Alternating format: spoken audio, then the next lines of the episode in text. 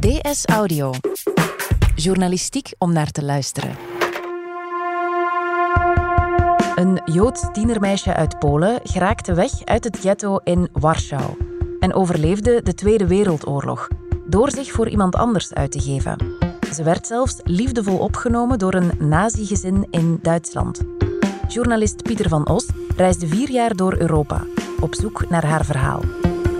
Het is dinsdag 5 november. Ik ben Nele Eekhout en van op de redactie van De Standaard is dit DS Audio.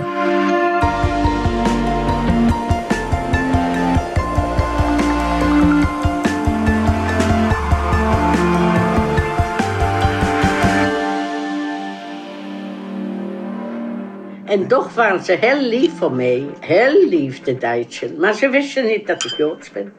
Pieter van Os, freelance journalist voor onder meer de Nederlandse krant NRC Handelsblad. Je hebt vier jaar lang rondgetrokken om een verhaal uit te zoeken. Het uitzonderlijke levensverhaal van Mala. Waar is dit voor jou allemaal begonnen? Nou, het hele verhaal is voor mij begonnen bij de ontmoeting met de kleinzoon van de hoofdpersoon. Die zag ik in Warschau en uh, hij vertelde me het verhaal van zijn oma. Ik heb hem toen gevraagd of ik die oma mocht opzoeken. Dat heb ik gedaan. En ik trof haar in Amstelveen, waar ze nu nog steeds woont. En waar ze eind jaren 60, begin jaren 70 is beland. Uh, het is een hele veerkrachtige vrouw die geweldig kan vertellen. En die vrouw, dat is Mala. Ja, Mala, ze heet nu eigenlijk Marilka Slaver, mevrouw Slaver voor mij, uh, woont daar te midden van foto's van haar familie, maar ook van overwinningen die ze met het Britsje heeft gehaald. En als je haar vraagt naar die tijd, 70 jaar geleden, dan vertelt ze eigenlijk telkens op dezelfde manier dat hele spectaculaire verhaal. Mhm. En terwijl ik daar dus luisterde naar uh, het, het, verhaal dat ze vertelde, begreep ik al heel snel, ja, dit, dit kan ik niet in een krantenartikel. Uh, misschien is het wel mogelijk, maar het is ook eigenlijk zonde. Het is niet wat ik wil. Ik, ik wil en graag het verhaal vertellen van Polen tijdens de oorlog. En ik wil haar verhaal vertellen van een odyssee door Europa. Van iemand die zichzelf uitgeeft voor een ander. Ja, want vertel eens, wie is Mala eigenlijk? Nou, Mala is inmiddels al 93 jaar oud.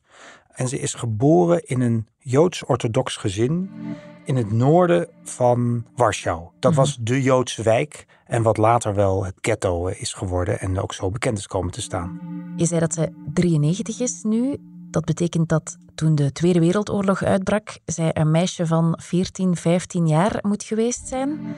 Jazeker. Uh, in, in Polen begint de oorlog alweer een jaartje eerder dan wij gewend zijn. Mhm. Uh, september 39 vallen de Duitsers binnen.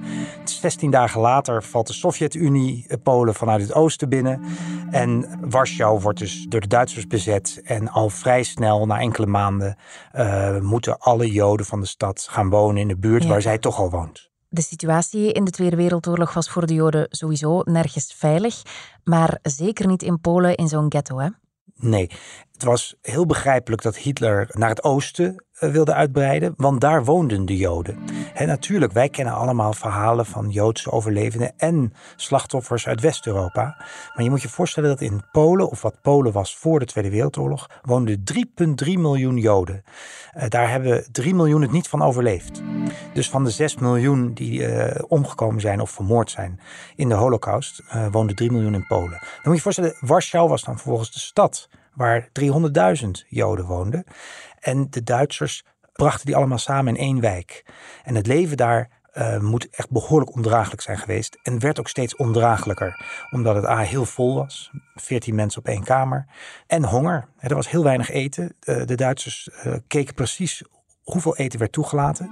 En daar speelde mijn hoofdpersoon een belangrijke rol. Mhm. Want zij was een van die tieners die durfde te smokkelen. Ja. Die dus door de muur heen en weer glipte om eten te verhandelen. Om Ja. met een beetje geld dat ze vonden toch weer wat eten te kunnen kopen. En hoe kon het dat Mala door die muur heen wist te glippen? Want dat kon toch niet zomaar? Ja, zij uh, heeft uh, interessante eigenschappen, kenmerken zou je beter kunnen zeggen.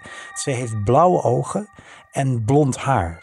En met dat blonde haar kon zij dus vrij eenvoudig onder Polen verkeren zonder verdacht te zijn. Verdacht in de zin dat mensen vermoeden dat ze Joods is. Dus zij kan smokkelen. Ze is dapper en een beetje eh, ja, onbezonnen, kan je ook zeggen. Ze is jong. En ze glipt dus door de muur die de Duitsers rond het ghetto hebben gebouwd. En kan heen en weer. En dat is heel belangrijk, omdat er geen eten is in het ghetto. Of nauwelijks eten. Ehm, dus zo ziet het eerste jaar, misschien bijna twee jaar, dat is niet helemaal duidelijk, van de oorlog voor haar uit. Anderhalf jaar ongeveer.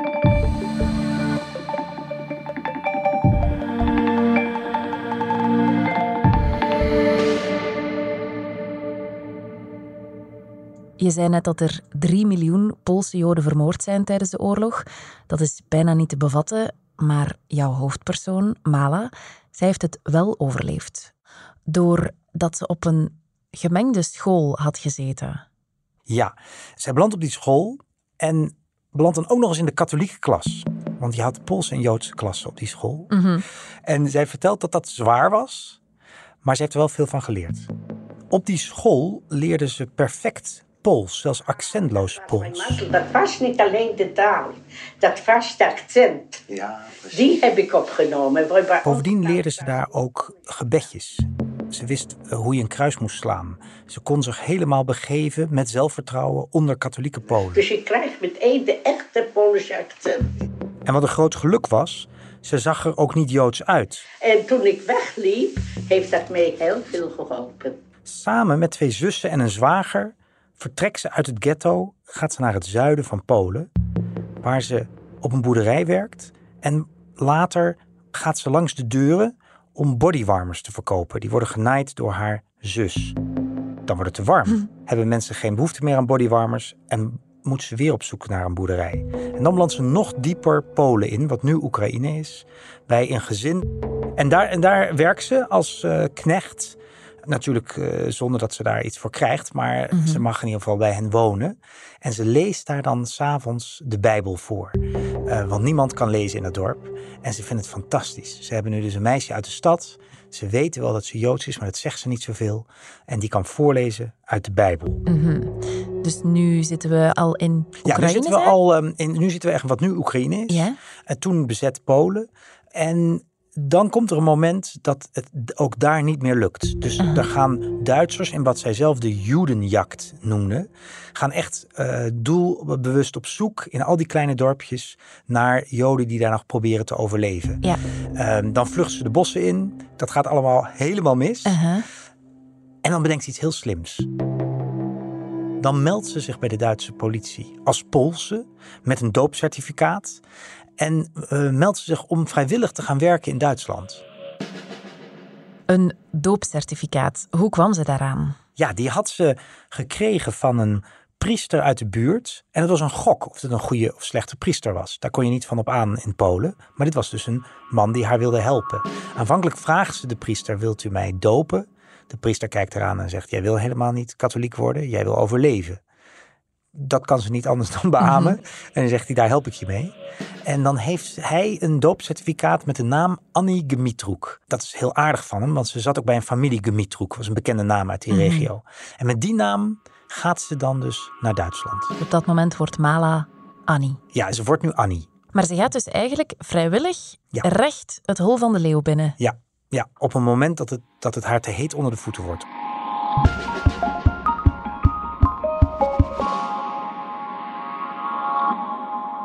Dus Annie heet ze nu, komt in Duitsland terecht. Ze is op dit moment dan 16, 17 jaar, heb ik dat juist? Ja. Nog steeds een jonge meid. Wat heeft ze daar gedaan? Ze werkt in een fabriek en dat gaat allemaal vrij goed. Tot ze een mooier baantje krijgt. En de baron, zo noemt ze hem. Het bleek achteraf een beetje een nepbaron, maar een, eh, on- een Duitse ondernemer. En die haalt haar van het land om een van de dienstmeisjes te worden. Nou, dat vindt ze fantastisch. Ze zegt zelf, ik heb nog nooit zo'n mooie kamer geslapen. Nog nooit zo'n mooie omgeving. Mensen waren heel vriendelijk voor haar. En het gaat allemaal goed tot een Oekraïner haar verraadt. Ze blijft logeren bij een vriendinnetje die een feestje heeft gegeven, een Pools vriendinnetje.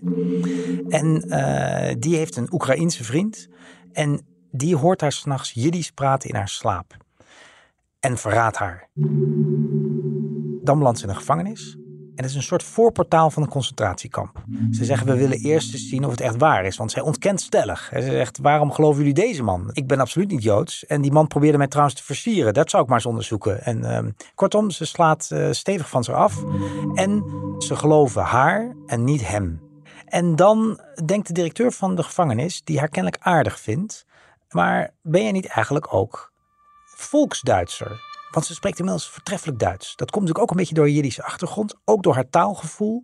En ook omdat ze het leuk vond, denk ik, om te praten, om de taal te leren van de plek waar ze is. Um, dus ze kan uitstekend Duits en ze zegt volksduits. Ja, natuurlijk. Hè? Uh, nu zegt ze, al hadden ze gezegd dat ik Chinees was. Hè? Alles om uit die gevangenis te komen. En als volksduitser um, is ze raciaal te superieur om terug te gaan naar de Poolse dwangarbeiders. Dus dan belandt ze weer op een hele andere plek dan belandt ze in een nazi-gezin of een gezin van overtuigde nationaal-socialisten. Maar om dus echt uh, in dat gezin te belanden, was het nog wel belangrijk dat dat vermoeden dat zij volksduitser was, om dat wetenschappelijk getest te zien. Want zo ging dat in uh, Nazi-Duitsland. Er waren uh, rassendeskundigen en die uh, hadden onder andere een, een, dienst opgericht die de Einwanderer Centraalstelle heet. En dat zijn, waren SS'ers in witte jassen. Waren niet allemaal echt wetenschappers. Waren wel overtuigde nationaal-socialisten. En die meten je schedel. Die keken het verschil tussen je voorhoofd en je achterhoofd. Tapten ook je bloed af dit soort medische test om te zien of je echt Ariër uh, was. Mm -hmm. Nou, dat, dat komt ze allemaal glansrijk doorheen. En ja, ze is Volksduitse en uh, zit dus met Duitse papieren als Duits staatsburger uh, in dat gezin. Dus zij wordt als Joodse opgenomen in een nazi-gezin. Hoe was dat voor haar? In dat gezin, daar heeft ze het goed. Ze vindt die mensen heel aardig. Ze zijn ook aardig voor haar. En ze waren er gek op mee. Maar ze vindt het ook wel moeilijk. En de vrouw des huizes vraagt, zegt ook altijd: je mag me gewoon Moetie noemen. En aanvankelijk doet ze dat niet, maar er komt een moment waarop ze dat inderdaad ook gaat doen. Ja, en ze was heel lief. Van mij is lief, eh, moederlos. Alles deed ze van mij. Je moet daarbij wel bedenken dat hij natuurlijk nooit vertelt waar ze vandaan komt. Haar verhaal is: ik ben uit Polen, ik heet Annie Gemitroek en mijn moeder is Duitser. Maar als ze het geweten hadden wie ze echt was, ja, dat was waarschijnlijk niet uh, goed voor haar afgelopen. Als ze geweten zat ik hier niet. Maar we weten dat natuurlijk niet zeker. En toch waren ze heel lief voor mij. Heel lief, de Duitsers. Maar ze wisten niet dat ik Joods ben. Dat is natuurlijk gelukkig vaker zo in echt mooie verhalen.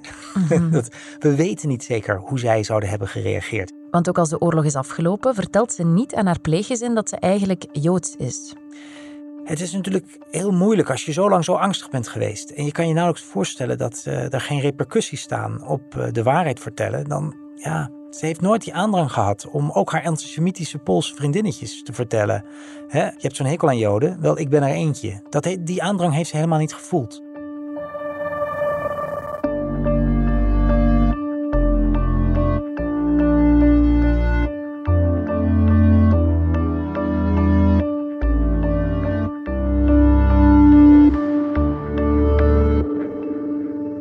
Dus ze vertelt het niet. Wat doet ze dan als de oorlog is afgelopen? Ze wil naar haar familie. Mm -hmm. Daarvan wordt verteld dat die dood zijn. Nou ja, dat, dat weet natuurlijk niemand precies. Maar ze zeggen er is niks meer over in dat ghetto van Warschau. Maar dat wil ze natuurlijk zelf zien. Ja. Dus zij gaat terug naar Polen. Ja, en wat treft ze daar aan? Ja, Warschau is een totaal vernietigde stad. Warschau is tot op de bodem afgebroken. En dat ghetto is zelfs al een jaar daarvoor helemaal afgebroken. Dus zij ziet gewoon uh, niks. niks. meer. Er is geen, geen gebouw, niks meer. Ze is 19 jaar. Ze zit in, dat, uh, in die ruïne van Warschau. En ze weet het even niet meer. Mm-hmm. En uh, ze zegt zelf ook dat het toen even allemaal niet meer hoefde. Dat ze niet meer wilde leven. En toen wil ik sterven, wil ik niet meer leven. Vervolgens komt er natuurlijk toch wel weer iemand die haar vertelt wat ze kan doen. Ze vraagt het volgens mij ook, zijn er nog Joden? En die zegt, ja, je moet naar Łódź. Dan schrijf je Lodz, dat is een stad toch wel eentje verderop. Uh, destijds, uh, ja, misschien toen wel even de grootste stad van Polen. En daar verzamelen zich Joden die gevlucht waren naar de Sovjet-Unie... of die schaarse kampoverlevenden die er zijn. Mm-hmm. En daar belandt zij ook. De oorlog is afgelopen ze ziet nu pas wat die oorlog gedaan heeft in de plek waar ze vandaan is gekomen. Heeft ze al die tijd geweten waar de Duitsers mee bezig waren? Ik denk dat ze het wel wist, maar ook niet wilde weten. En dan belandt ze dus eh, later uh, in Łódź, in zo'n opvanghuis voor kampoverlevenden. Nou, ze zegt, die mensen zagen er verschrikkelijk uit. Dat was voor haar natuurlijk, dat had ze helemaal niet gezien. Zij zelf zag er goed uit, want in Duitsland uh, kwam de honger pas in 1944 of 45 pas. Hè? Zij zag er wel door voet uit en zit daar met kampoverlevenden en uh, die vertellen haar de meest gruwelijke verhalen. En eigenlijk kan ze die ook niet geloven. Ik, ik heb niet geloofd toen, ze me vertelde over Auschwitz. Er is één man die haar hand vastpakt en eigenlijk niet meer loslaat. Die uh, heeft Auschwitz overleefd en die vertelt haar dingen waarvan zij zegt: nee, dat kan allemaal niet waar zijn. Ik ken die Duitsers. Zo erg zijn ze niet. Dus ik denk, zijn de Duitsers ook mensen, dus dat kan niet dat ze zoiets doen. Kan niet.